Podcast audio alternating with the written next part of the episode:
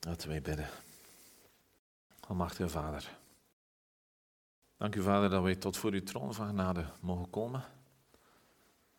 Dat wij mogen samenkomen, Heer, als broeders en zusters in Christus. Dat we uw naam mogen beleiden. Dat u de Almachtige God bent. Dat u de schepper bent, Heer, van hemel en aarde. Dat niks voor u te klein of te groot is, Heer, maar dat u zoveel liefde voor ons hebt, Heer, dat wij steeds naar u toe mogen komen. Vader, ik wil bidden dat u elke Heer, Heer, mag beschermen. Dat u elke Heer mag leiden, Heer. En dat elk lid van onze kerk, Heer, mag wandelen in de geest. Heer, ik wil ook bidden voor, voor Scott en voor Andrea dat ze uw kracht mogen voelen, Heer. En dat u genezing mag brengen, Heer. Volkomen herstel. In Jezus' machtige naam. Amen.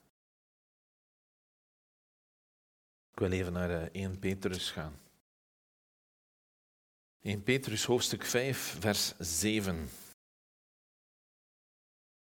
En hoofdstuk 5 kadert in het, de oproep van Petrus enerzijds aan de ouderlingen, maar anderzijds ook aan de jongeren. En het mooie aan de brief van Petrus is dat hij heel praktisch is. Ja, eigenlijk alle brieven zijn heel praktisch. En in vers 7 zien we staan: Werp al uw zorgen op Hem, want Hij zorgt voor u. Dat was ook het vers van de dag gisteren. Ja, misschien hebben sommigen dat gezien. Als je de, de, de Bijbel-app gebruikt. En ik vond het een heel toepasselijk vers. Ja. Werp alle uw zorgen op Hem, want Hij zorgt voor u. Als je in de pers kijkt vandaag en je wil je zorgen maken, dan zijn er heel veel redenen om je zorgen te maken opwarming van de aarde. Ja, is de eerste. Het continu verleggen van ethische grenzen. Ja, ik ga het even zo omschrijven. is de tweede. Dus moest je nog geen zorgen maken, het is moment. Hè. De derde, en zeker heel actueel, is het coronavirus. En dan spreken ze van Omicron. En ze weten nog niet goed wat Omicron is, maar er is al paniek, er wordt angst gezaaid, er wordt onzekerheid gezaaid. En voor mij de grootste conclusie is dat ze er eigenlijk niet veel kunnen aan doen en dat ze het eigenlijk niet goed weten. Maar toch heeft iedereen er een mening over. En er staat: werp al uw zorgen op Hem, want hij zorgt voor u. Ja, Johannes en Isaac spelen basket. Als je de bal werpt, ja, dan werp je hem. Ja, dan ben je niet aan het twijfelen, ga ik hem smijten? Ga ik hem geven? Wat ga ik nu doen? Als je werpt, dan werp je. En Petrus zegt, werp al uw zorgen op hem. Ja, hij zegt niet, Geef je zorgen aan Hem. Hij zegt niet, misschien moet je overwegen om je zorgen aan Hem te geven. Nee, hij zegt, werp al uw zorgen op Hem. Ja, in elke sport waar er met een bal gewerkt wordt, als men die bal werpt, dan is het de bedoeling dat die bal ver weg gaat. We waren morgen bezig in de auto over alle afkortingen van de leagues in, de, Amerika, de NBA, de NFL, de MLB. Ja, kijk, je kunt nog een toon ook. Ja, dat gaat over basket, dat gaat over Amerikaans voetbal. Dus dat is een soort rugby. Of je kunt daarmee vergelijken. Het is geen rugby. Ehm, en het laatste is baseball. Als het moment dat zij de bal werpen, ja, dan moet de bal in de korf belanden. Ja, niet juist voor hun voeten. Ja, die blijft ook niet plakken aan hun handen. Ja, American football, als ze de bal werpen, dan is de bedoeling dat die bal ver vooruit gaat. Of zijdelings, of wat dan ook. Ik ken de regels niet, dus misschien zeg ik iets verkeerd. Maar ik vermoed dat er niemand in de zaal zit die de regels kent, dus is niet zo erg. In baseball ook, op het moment ze de bal werpen, ja, staat er iemand anders aan de andere kant met een baseball bat of knuppel, hoe dat je het ook wil noemen. En de bedoeling is dat, die de, dat de bal gegooid wordt of geworpen wordt en dat die met de stok erop slaat. En dat lukt niet altijd. Maar ook als die bal dan weggeslagen wordt, moet er iemand hem opvangen en teruggooien. Ja, dus het werpen gaat steeds over de bal niet bij jou houden, maar zorgen dat hij eindigt waar hij moet eindigen. En liefst is dat zo ver mogelijk. En Peter zegt, werp al uw zorgen op hem. Ja, hij zegt werp, en hij spreekt niet over één of twee zorgen, hij spreekt over al uw zorgen. Ja, en ik spreek over, laten we zeggen, de zaken die vandaag in de media komen, waar je misschien zorgen kunt over maken. Heb ik nog niet gesproken over ja, misschien financiële zorgen, familiale zorgen, zorgen op school, zorgen op je werk. Ja, daar heb ik nog allemaal niet over gesproken. Maar ook die zorgen, zegt Petrus, werp ze op hem. Waarom moeten we dat doen? Want hij zorgt voor jou. Dat is de zekerheid die wij hebben, namelijk God zorgt voor ons. Hij is onze Vader.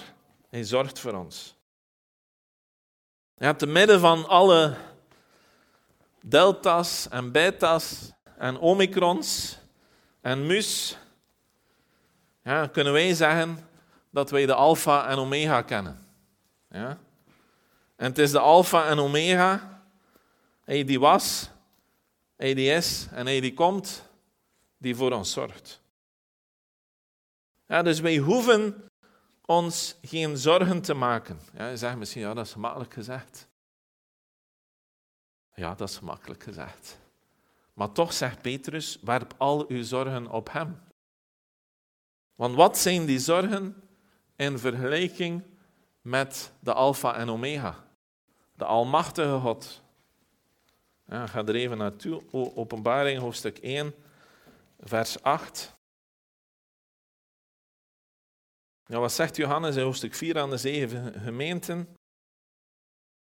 Hij zegt, genade zij u en vrede van hem die is en die was en die komt en van de zeven geesten die voor zijn troon zijn en van Jezus Christus die de getrouwe getuige is, de eerstgeborene uit de doden en de vorst van de koningen der aarde. Hem die ons heeft liefgehad en ons van onze zonde gewassen heeft in zijn bloed en die ons gemaakt heeft tot koningen en priesters voor God en zijn Vader. Hem zij de heerlijkheid en de kracht in alle eeuwigheid. Amen. Zie, hij komt met de wolken en elk oog zal hem zien, ook zij die hem doorstoken hebben. En alle stammen van de aarde zullen rouw over hem bedrijven. Ja, amen. Ik ben de Alpha en de Omega, het begin en het einde, zegt de Heer. Die is en die was en die komt, de Almachtige. Ja, wat zijn die zorgen? Ja, wat is al datgene dat rondom ons gebeurt? Ja, dat paniek en angst en onzekerheid veroorzaakt. Ja, als ik kijk naar sommige mensen en hoe zij tekeer gaan. Ja, in elke situatie. Ja, spreken over de opwarming van de aarde, zijn er een aantal die tekeer gaan. Maar ik vermoed dat elk van hen een gsm heeft. Ja, dat heeft een impact. Hè. Als we spreken over opwarming van de aarde, dan moet je ook wel consequent zijn. Ja, op een boot stappen om te reizen is niet voldoende, want die boot is ook gemaakt. En die boot is ook gemaakt uit staal of is ook gemaakt uit plastic. Dus waarmee ik niet zeg dat we geen goed beheerder moeten zijn. We moeten goed beheerder zijn en we moeten niet doen wat er gebeurt vandaag, namelijk op basis van geldbejag. Ja, zaken gaan vernietigen. Ja, want dat is uiteindelijk waarover het gaat. Ja, waarom worden al die bossen gekapt? Omdat het over geld verdienen gaat. Ja, wij hoeven ons geen zorgen te maken. En ja, dingen gebeuren rondom ons, waardoor je misschien zorgen zou kunnen maken. Maar laat ons beginnen met het begin. Namelijk als wij in Christus zijn en wij al onze zorgen op Hem werpen, dan zorgt Hij voor ons. En dat is een zekerheid. hij is de Alpha en Omega. Hij die is, die was, die komt. De Almachtige staat er. Dus waarom ons zorgen maken als wij in de handen van de Almachtige zijn? Gaan even naar Jesaja hoofdstuk 41. En dat maakt onderdeel uit van het vernieuwen van ons denken. Want als mens, en zeker als mens in de huidige rationele wereld, denken wij dat wij alles onder controle kunnen hebben. Wat de coronapandemie mij leert, is één, dat de mens niet veel weet. Twee, dat hij er niet veel kan aan doen. En drie, dat tijd wordt dat mensen teruggaan naar God. Ja. En niet denken dat ze het allemaal onder controle hebben en kunnen oplossen. Want het is niet zo. Wat staat er in vers 13 van hoofdstuk 41 van Jezaja? Want ik ben de Heere uw God, die uw rechterhand vastgrijpt en tegen u zegt, wees niet bevreesd, ik help u. En dan zegt hij, wees niet bevreesd, wormpje Jacob. Ja, je bent zo klein. Volkje Israël. Ik help u, spreekt de Heer, uw verlosser is de heilige van Israël. Ja, wij hoeven ons geen zorgen te maken. Waarom? Ook al zijn we klein, ook al zijn we verwaarloosbaar, God houdt van ons. Ja, want al zo lief heeft God de wereld gehad dat hij zijn enige geboren zoon gegeven heeft. En dat ging niet over de aardbol, ja, dat ging over de mensen. Opdat een die in hem gelooft niet verloren gaat. En God zegt, ik ben de Heer die uw rechterhand vastgrijpt. Ja, de hulp zal van de Heer komen. Kijk niet naar andere dingen. Kijk naar de Heer. Nogmaals, waarmee ik niet zeg dat je niet moet doen wat je zelf kunt doen. Maar stel uw vertrouwen in Hem. Want ik ben de Heer uw God, die uw rechterhand vastgrijpt en tegen u zegt, wees niet bevreesd, ik help u. Wees niet bevreesd, wormpje Jacob, volkje Israël, ik help u, spreekt de Heer, uw verlosser is de heilige van Israël. Jezaja hoofdstuk 46, vers 4. Ik ga lezen vanaf vers 3. Luister naar mij, huis van Jacob, en heel het overblijfsel van het huis van Israël. U die door mij gedragen bent vanaf de moederschoot, gedragen vanaf de baarmoeder, tot uw ouderdom toe zal ik dezelfde zijn, ja, tot uw grijsheid toe zal ik u dragen. Ik heb het gedaan en ik zal u opnemen. Ik zal dragen en redden. Ja, ik geef nu twee voorbeelden, maar uiteindelijk zegt God continu in de Bijbel, ja, vertrouw op mij. Stel je geloof in mij. Ik zal het doen. Tot uw ouderdom zal ik dezelfde zijn. En wat zegt Hebreeën? Christus is dezelfde. Gisteren, vandaag en in alle eeuwigheid. Tot uw grijsheid toe zal ik u dragen. Ik heb het gedaan, ik zal u opnemen, ik zal dragen en redden. Werp al uw zorgen op Hem, want Hij zorgt voor u. En toen dat voorbereiden was, moest ik denken aan Mozes. God zei tot Mozes: ga naar Farao. En als wij dat lezen, dan lezen wij dat heel rationeel. Maar plaats uzelf eens in de positie van Mozes. Wie was Farao? Farao was God in Egypte. Ja, hij was de zonnegod. En wat zegt God tegen Mozes? Ga naar Farao. Zeg tegen degene die van zichzelf denkt dat hij God is. En zeg, laat mijn volk gaan. Hoe zou je je voelen? Als God tegen jou zegt, ga eens naar de president van Amerika, die denkt nog niet dat hij God is. Alleen deze toch niet. Ga naar de president van Amerika en zeg, laat die of die persoon gaan.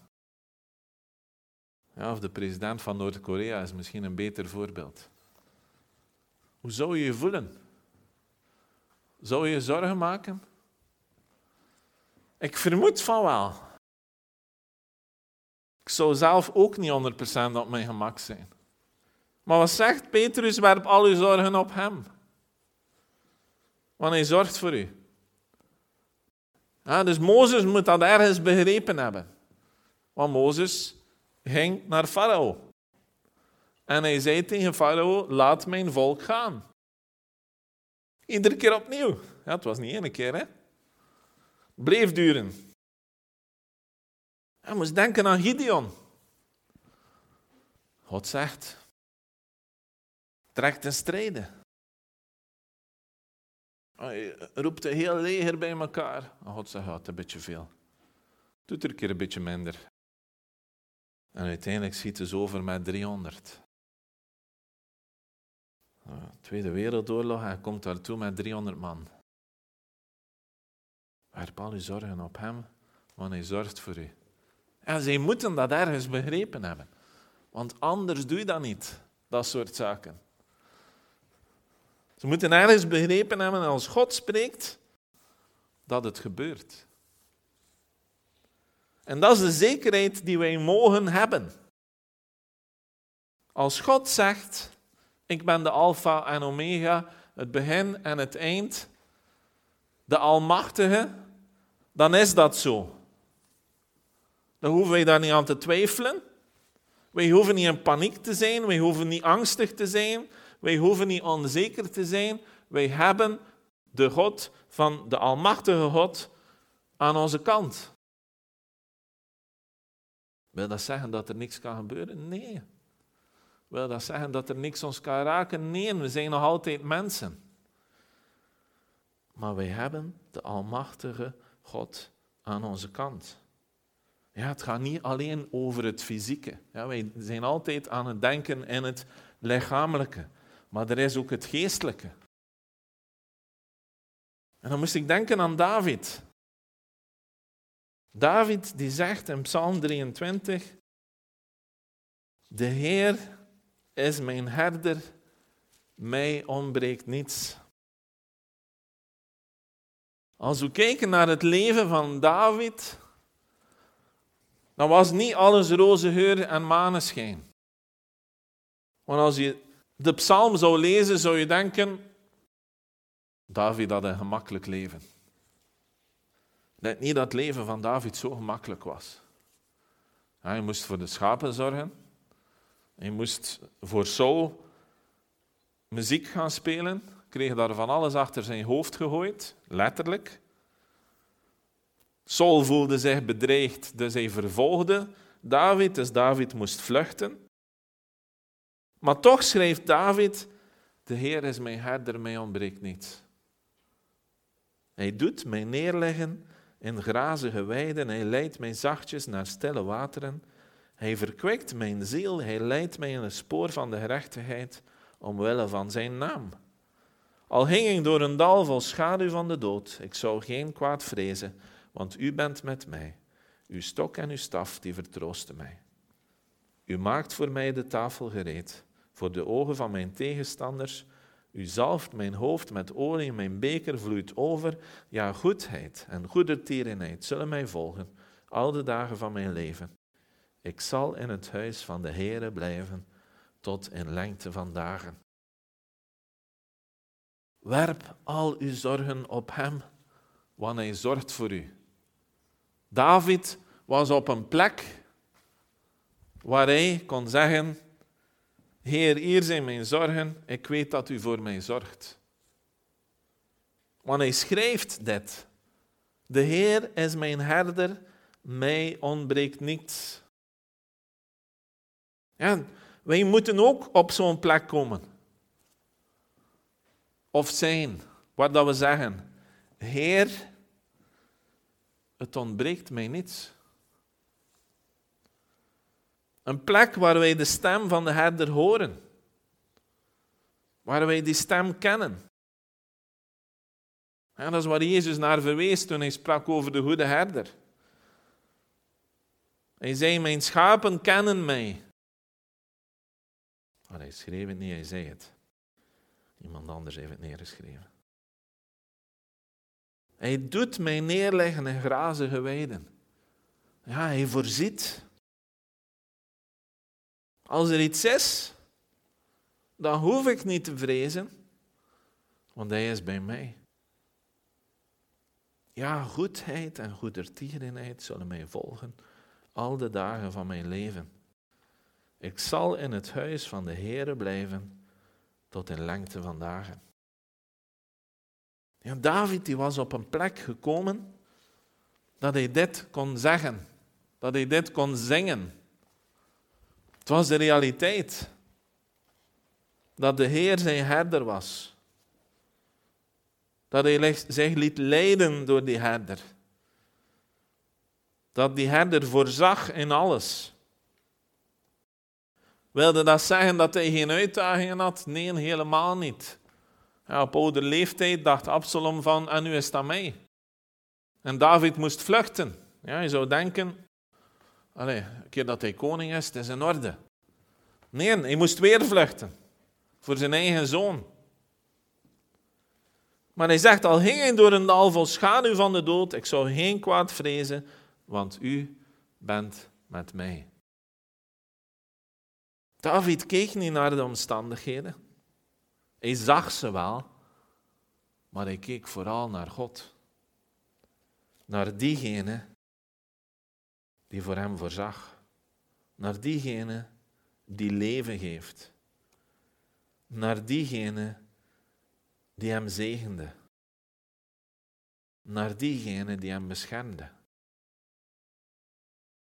Ja, het mooie aan een herder is dat de herder zorgt voor de schapen. Het is niet omgekeerd. De herder zorgt voor de schapen. De schapen kennen zijn stem. Maar de herder zorgt ervoor dat de schapen gras hebben. Hij zorgt ervoor dat ze drinken hebben. Als ze zich kwetsen, dan geneest hij hen. Ja, dan verzorgt hij hen, zodat ze kunnen genezen.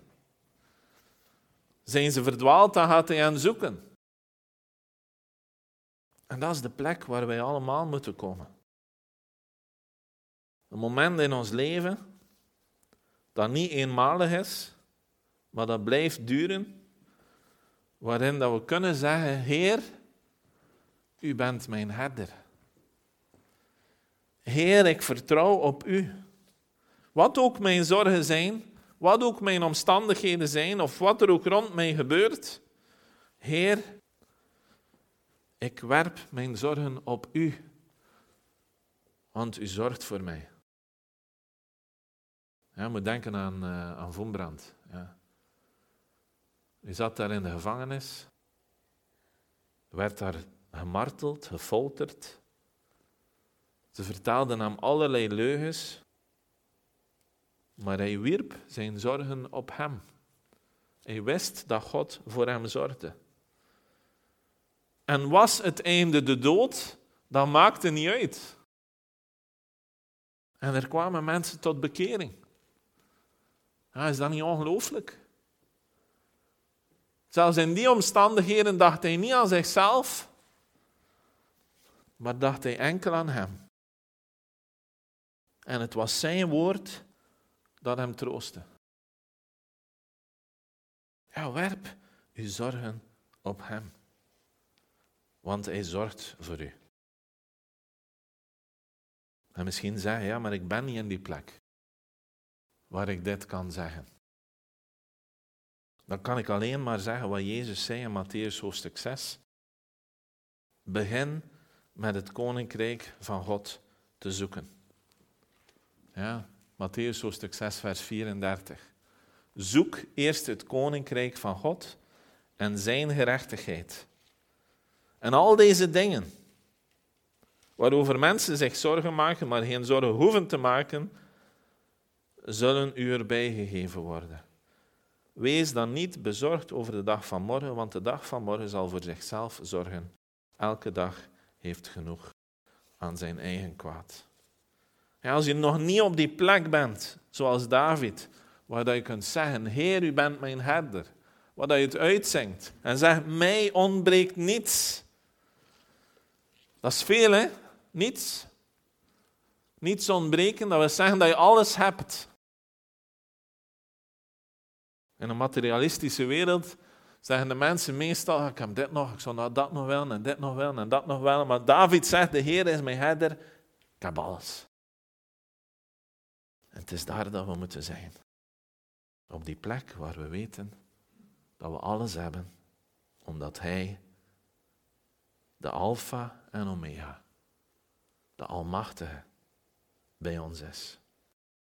En ben je niet op die plek, zoek dan eerst het Koninkrijk van God en zijn gerechtigheid.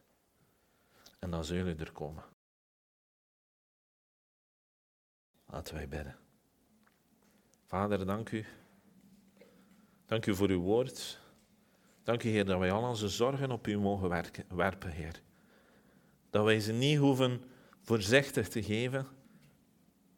Dat wij niet moeten twijfelen, maar dat we ze gewoon op u mogen werpen, Heer. Want u zorgt voor ons.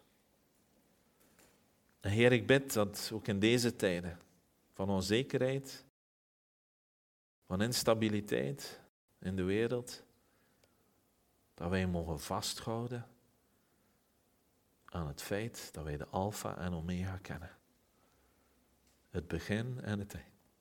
Jezus Christus, degene die dezelfde is gisteren, vandaag en in alle eeuwigheid. Dank u, Vader, dat u de Almachtige bent. Dank u, Vader, dat u uw Zoon gegeven hebt. Dat wij toegang hebben, Heer, tot uw troon van genade. Dat wij tot bij u mogen komen. Vader, u bent zo wonderbaar.